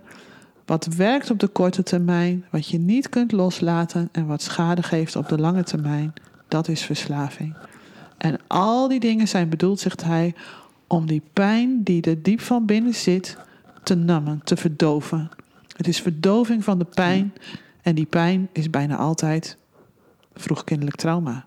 Dus als je op die manier kijkt en kijkt naar wat de effecten daarvan zijn voor gezondheid en welzijn op de lange termijn, dan kan je ook vragen: kunnen we het ons wel veroorloven om zo weinig aandacht te besteden naar die kindertijd? Maar dat is een heel ander soort vraag. Ja. Ja, en dat, dat vraag dus, dat is ook een hele serieuze vraag. Die Hele vraag dus, want, als, want wat jij zei, van ja, die, eh, als je de vraag stelt, moet je ook het antwoord kunnen horen. Ja, Want, want als je hem doortrekt, dan zegt hij, ja, maar dan zouden ons ouderschap, zouden we anders, anders in moeten richten dan nu. ja, Waar veel meer die eh, belangen van het kind of behoeftes van het kind eh, serieus worden meegewogen. Ja. Ook al passen ze niet in onze lifestyle, zeg nee, maar. en dan pleit ik dus niet voor child supremacy of zo. Hè? Want dat zeggen sommigen ook. Oh, die kinderen die moeten ook altijd maar de zin krijgen tegenwoordig. En eh, al die ouders, die curling ouders, hè, Ja. die elk obstakel wegvegen voor het kind. Zodat ze een smooth pad tegemoet gaan. Nee, dat dus niet. Nee. Want dat is ook niet eh, eh, waarmee je uitkomt waar je eigenlijk wilt zijn. Want eh, resilience, veerkracht, wat een kind. eh, heel vaak wordt gedacht dat kinderen geboren worden met veerkracht. Hè? Dat is een misverstand. Veerkracht word je niet mee geboren. Veerkracht is een eh, vaardigheid die je ontwikkelt. Eh, Robin Grill maakt een, een verschil tussen. Eh, resilience en adaptability. Dus veerkracht en aanpassingsvermogen. Kinderen worden wel met aanpassingsvermogen Ja, daar hebben we het geboren. over gehad. Daar Ja. hebben we het over gehad. ja, Hè? Maar dat kan ook een maladaptieve aanpassing zijn. Die, die, die je goede, gezonde ontwikkeling en groei in de weg gaat staan. Maar veerkracht ontwikkel je door ehm, eh, tegenslag te krijgen, eh, te ervaren. Maar wat we dan noemen bufferende bescherming van sensitieve, goed co-regulerende volwassenen daarbij te hebben. Ja. Dus als er iemand doodgaat, eh, je opa of oma gaat dood en daar had je een hele goede band mee, eh, dan moet je kinderen daar niet bij weghouden. Laat ze er vol in gaan, maar wees er. Sta Ja. ernaast, neem hun emoties serieus, beantwoord de vragen die ze hebben, troost ze, vraag eens even een keer weer, hoe is het meisje, lukt het allemaal? Hé hey jochie, ik zie dat je niet zo in je, goed in je vel zit vandaag, zullen we even wat leuks doen samen? Al die dingen goed, goed afstemmen. Alles wat je eigenlijk doet als je verliefd bent. Als je heel erg gericht Ja, bent ja, op die ja. nieuwe partner. Omdat je die helemaal goed wilt leren kennen. En goed wilt leren duiden van... als hij zo zijn oogopslag geeft, wat bedoelt hij dan? En als hij zo lacht, waar denkt hij dan aan? Dat is hè, wa- wat je eigenlijk als ouder natuurlijk sowieso wilt... en ook moet proberen met je kinderen... Om je kinderen goed te lezen. Maar je kinderen doen dat met jou ook. Hè? Dus die, die, die lezen jou ook. En die ontwikkelen daar ook een sensitiviteit voor. En dat gaat over en weer. En als je in staat bent om het kind in die moeilijke eh, transities en liminele fases, Ja, hè, ja. om daarop Ja, terug te komen, bij te staan en te zeggen: Ik loop met je mee, ik ben er. Net zoals met die vroege borstvoeding. Als je me nodig hebt, dan ben ik er. Eh, jij bepaalt wanneer dat is. Maar ik ben er. En eh, op zo, als je op zo'n manier je ouderschap kunt invullen, dan, eh, eh, dan kan het kind die, die, dat stevige fundament eh, laten ontstaan. En ja, daar kun je een leven op bouwen, op een krachtig fundament. Is prachtig, prachtig. Ja, we hebben al zoveel wat ik je nog wil vragen. Nou, dan moet je selecteren. Misschien. Ja, dit ging we dan even uit. Ja, ik wil toch een beetje naar afronding gaan. Ja. En ehm, ja, ehm, Marianne, van, van, van, ehm, je bent moeder van vier volwassen dochters. Ja. Inmiddels ook oma van Ja. vier kleinkinderen. Vijf zelfs. Vijf ja, kleinkinderen. in juni is er nog één bijgekomen. Oh, ja, ja.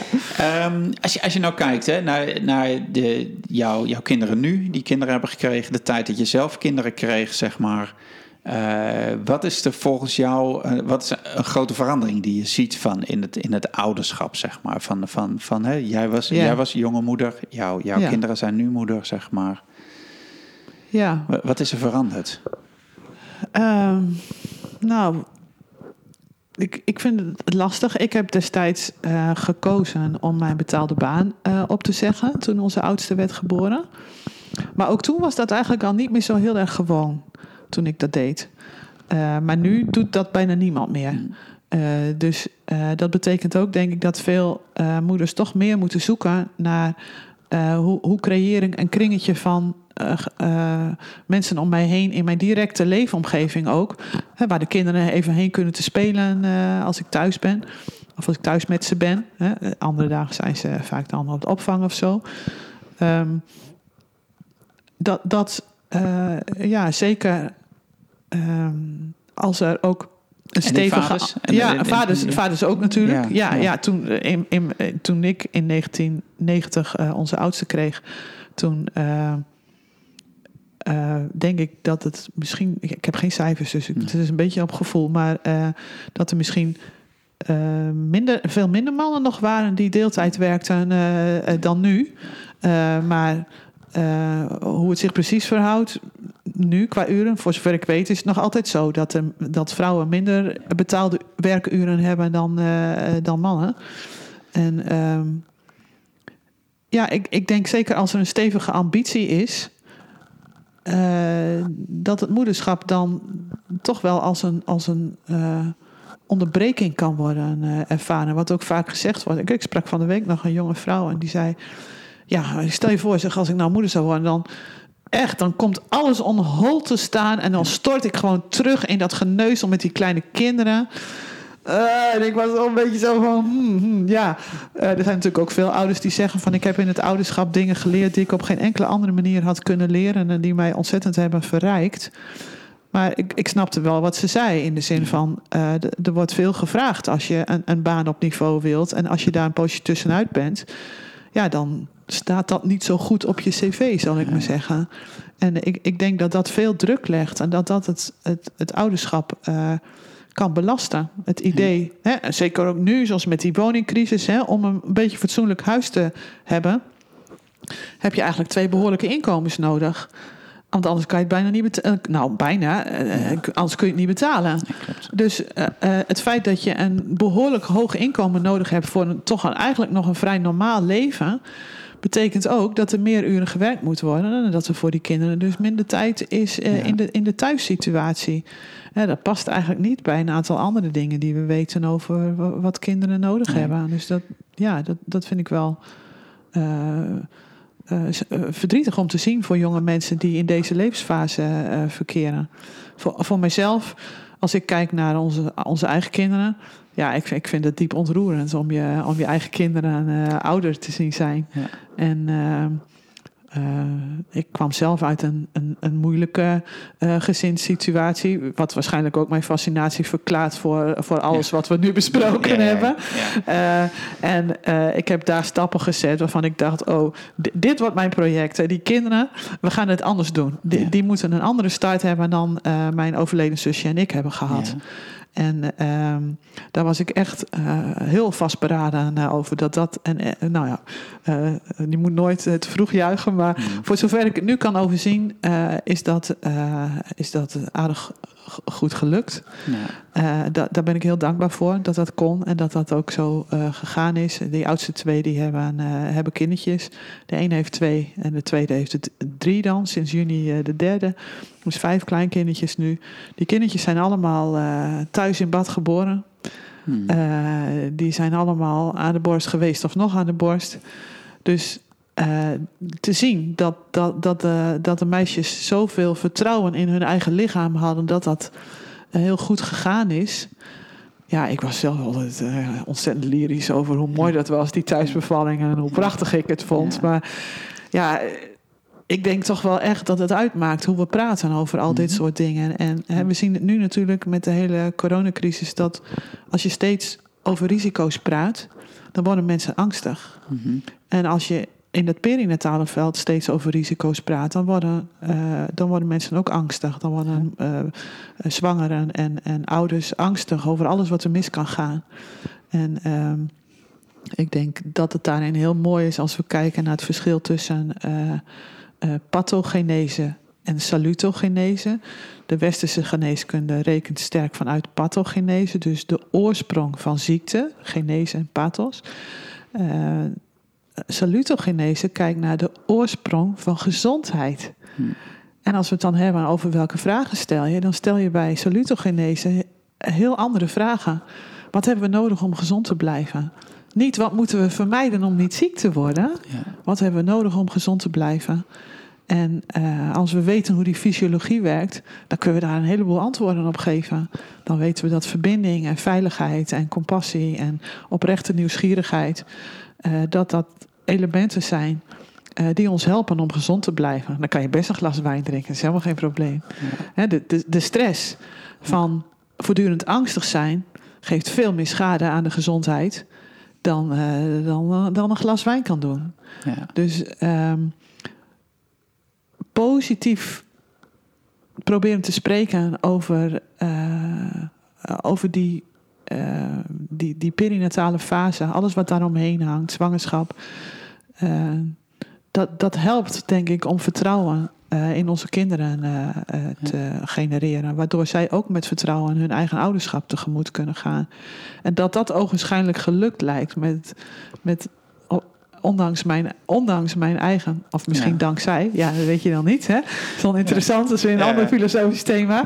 Maar uh, mijn eigen uh, achtergrond, ja, dat, dat vind ik diep ontroerend. Daar ben ik echt heel dankbaar voor. Mooi. Ja, mooi, mooi. Het is, het is altijd zo, dat, is, dat wat, je hebt het nu zelf al verteld, en ik was benieuwd van hoe, hoe hè, waar jij als, als mens helemaal warm van wordt, zeg maar. Ja. Hoe, geef je dat door aan je kinderen en, en, en dan pikt ze het ook nog op op hun manier, zeg maar. En dat is mooi om te zien. Ja, ik vind het prachtig. Ze zijn allemaal in werksettings actief met een uh, heel grote maatschappelijke uh, betrokkenheid. Hmm. Uh, nou, dat vind ik ook heel prachtig. Ze hebben partners die met dingen bezig zijn die gaan over duurzaamheid en ontwikkeling van dat wat goed is voor de aarde. Um, op een gegeven moment kwam de oudste thuis. Mama, ik ben nu niet alleen meer uh, vegetariër, ik ben nu ook veganist. Uh, nou, uh, toen ontschoot mij, nou, nou, dat vind ik wel een beetje erg ver gaan. Nou, daar moesten we natuurlijk stevig over discussiëren vervolgens. En dat, nou ja, dat, is, dat, dat zijn thema's in ons gezin. hoe, hoe ga je daarmee om en, en hoe kijk je daarnaar? En Um, uiteraard ben ik gewoon veganistisch gaan koken. Vervolgens, uh, als hij uh, thuis was, en wij eten ook wel veganistisch, niet principieel. Wij zijn nog niet eens uh, vegetariër. Maar dat al die thema's voorbij komen, dat je kinderen je uitdagen om te zeggen: van zo, dit is mijn authenticiteit. En wat ga jij daarmee doen? En kan jij daarmee mee omgaan? En kan je dat aanvaarden? Kan je mij zien voor wie ik ben? En kan je, je daar, kan je daarin accommoderen? Ja, dat, dat, dat, dat is een uitdaging eh, die je dan uh, vooral voor je kinderen wilt aangaan. Maar als je het van, voor hen, doet, dan kan het je ook leren dat je het op andere plekken uh, ook kunt doen. Ja, dat is wel mooi, maar het is niet voor watjes. Want, want je leeft je eigen authenticiteit voor, zeg maar. En vervolgens stimuleert dat je kinderen ook om authentiek te zijn. Ja. Zo, ja. En een paar van die authentieke gasten bij elkaar, zeg maar. Ja, dat kan nog uh, zet, knallen. Zet ze bij ons aan tafel met z'n allen. Ik sta soms wel eens dat ik denk, joh, wat hebben we nu weer? Weet je, dan zijn we net binnen, zitten net aan tafel. En alles komt al uh, als discussieonderwerp. Ik zeg, stel, vreselijk stelletje nerds. Maar uh, aan de andere kant vind ik het ook prachtig om te zien hoe die, hoe die breinen met van alles en nog wat bezig zijn en dingen met elkaar verbinden. En ik inderdaad dus een kwadraat uh, terugkrijg uh, wat, uh, waar we ze toe hebben aangemoedigd. Ik heb afgelopen jaar een pittig jaar gehad. En um, ja, daar heb ik dat ook ervaren van wat, wat triggert wat in wie. En, en hoe, wat betekent het uh, om boosheid aan te nemen of niet aan te nemen. Uh, ik, ik was uh, jaren terug geregeld bij boeddhistische lezingen en daar zei die de boeddhistische monnik. als iemand jou een cadeautje geeft, of als jij iemand een cadeautje geeft, hè, ik geef jou een cadeautje, Jeroen, en jij neemt het niet aan. Van wie is het cadeautje dan? Ja, ik denk nog steeds van jou. Precies. Ja. Dan is dat cadeautje nog of weer van mij. Hè? Het blijft bij mij of jij geeft het terug. ja, ja. Als ik jou mijn boosheid geef en jij neemt die niet aan, ja. Dan blijft hij bij jou. dan blijft hij bij mij. Ja. Of hij komt Ja. als een boemerang terug bij mij. Dus ehm, ja, dat, dat zijn ook interessante dingen, denk ik. Van wat, wat wordt er waardoor getriggerd en wat komt er bij jou terug als je iets van een ander niet aanneemt? Eh, dat kan boosheid zijn, dat kan eh, liefde zijn. eh, ehm, maar eh, eh, als, als, als die boosheid door jou niet wordt aangenomen en hij komt bij mij terug, dan komt hij waarschijnlijk harder terug dan hoe ik hem Ja. aan jou eh, heb geprobeerd te geven. Ja. En dan moet ik daar iets mee. Dan kan ik nog bozer worden op jou. En als jij hem dan weer niet aanneemt, dan, dan vergroot zich dat steeds maar verder. Maar dat heeft vaak natuurlijk ook te maken, zoals bij eh, wat onze dochter dan meemaakt. Dat, er zit iets bij die ander, een Ja. pijn of een angst of wat ook. En doordat zij zei: Ik neem die niet aan, Mhm. eh, want we hebben dit en dit afgesproken met elkaar. Ze ging niet schelden of zo, Hm. maar ze gaf het wel terug. Eh, ge- gebeurt er iets in die dynamiek? Maar dat ik haar dat van het weekend hoor vertellen. En dat zij dus een, een, een, een eh, intellectueel geïnformeerde activistische houding aanneemt. Ja, eh, ja ik, ik denk niet dat het dat van een vreemde heeft. Maar eh, ik- denk wel dat onze kinderen daar nog alweer vaardiger eh, in zijn geworden. En dat is natuurlijk. Ik weet, ik zat een keer met een van de kinderen aan tafel en die zei: Mam, ben je eigenlijk niet jaloers op ons? Ik zeg, huh? Ja. Ik zeg, hoezo dan? Ja. Hoe oud zal ze geweest zijn? Nou, ik denk eh, 17 of 18 of zo. En ik zeg, nee. Ja, nou, eh, ik wil niet veel zeggen, zegt ze. Maar, maar wij zijn toch in een heleboel dingen echt veel beter dan jij. ik Ja. zeg, nou, maar kind, ik zeg, dat is toch fantastisch? ja, dat was precies de Dat was bedoeling. precies de bedoeling. Ja, hè, dat zei mijn vader vaak. Van, Ja, ja, ja. ja eh, wij, wij hadden het weer wat beter dan onze ouders. Jullie, en jullie hebben op het heleboel punten weer beter dan wij. Hij zei, nou, dat, dat is fantastisch. Dat zou je evolutie kunnen noemen. Maar ja, goed, wat is beter? Dat zijn natuurlijk ook altijd weer normatieve, sociaal geconstrueerde ideeën... Die daaraan vasthangen met allerlei ideologieën of zo. Van wat is beter? Maar eh, het idee dat je als, als ouder niet jaloers bent op je kind, maar dat je er zielsgelukkig van wordt om te zien dat een kind gedijt en dat je daaraan een bijdrage hebt kunnen en mogen leveren. Ja, de- ik, ik zal haar nog eens weer vragen eh, daarna, nu ze zelf moeder is, Oh, dat is mooi. hoe ze dat Ja. nu eh, beziet, eh, die Ja. opmerking. Maar ja, ik, ik, ik denk dat dat, dat dat mooi is als je ze kunt begeleiden naar ja, het, het optimaal ontplooien van hun, van hun potentieel. Ja. Want ik denk dat dat, dat is ehm, wat je toch eigenlijk graag wilt. En dan maakt het dus niet uit. Hè, een beetje dat verhaal uit de Bijbel van de één en twee talenten. Ik weet niet, ik ben Ja. niet zo bijbelvast. Ik weet niet welk Bijbelboek het is. Maar hè, wordt op pad gestuurd met één of vijf of tien talenten, eh, Ja. munten. eh, eh, toen geld, maar talenten kan je natuurlijk ook figuurlijk doen. En eh, ze hebben ze allemaal verdubbeld. En die een heeft twee en die ander heeft tien. En- Of nee, die ene heeft van, van, van vijf heeft tien en die van tien heeft twintig. En die van één die dacht, ja, ik doe maar niks, want anders ben ik hem straks kwijt. Ja. Maar eh, het gaat dus niet om de hoeveelheid of zo, maar om of dat talent dat er is, tot bloei kan komen. Ja. En eh, ja, dat beeld is dan natuurlijk vaak van als je een plant ergens in de grond zet en hij doet het niet. Dan, dan zeg je niet van nou, wa- wat een, eh, wat een prutplant, we geven die plant de schuld. en dan ga je kijken van nou, misschien staat hij te donker of te Ja. nat of te droog of er missen voedingsstoffen. En dat idee van een kind dat in een sociale omgeving zich bevindt en misschien niet gedijt, ja, moet je dat, dat kind gaan aanrekenen of moet je naar die sociale omgeving kijken? En ik denk dat is ook mijn motivatie geweest bij alle ehm, eh, feedback die ik op, de, op landelijke richtlijnen heb gegeven. Dat daar nog vaak geprobeerd wordt om dan aan die plant te sleutelen in plaats van eh, aan die omgeving. ja, en dat zijn wij zelf. En dat zijn uiteindelijk. zelf. Ja, Ja. als, als samenleving. Ja. Ook niet alleen als ouders. Want dat, dat is denk ik wel in een, een sterk geïndividualiseerde samenleving. Waarin ook gezegd wordt van eh, ja, iedereen moet zijn eigen inkomen kunnen genereren. Hè, terwijl je ook kunt zeggen, wij zijn als eenheid, als gezin, financieel onafhankelijk. Ja.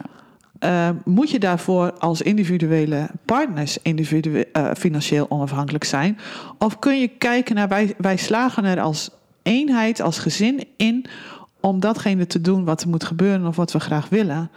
Maar hoe verder de samenleving geïndividualiseerd raakt, hoe minder ruimte eh, daar dan voor overblijft. En hoe minder geaccepteerd het dan ook is dat je vanuit die eh, eenheid of vanuit die community kijkt in plaats van eh, uit het individu.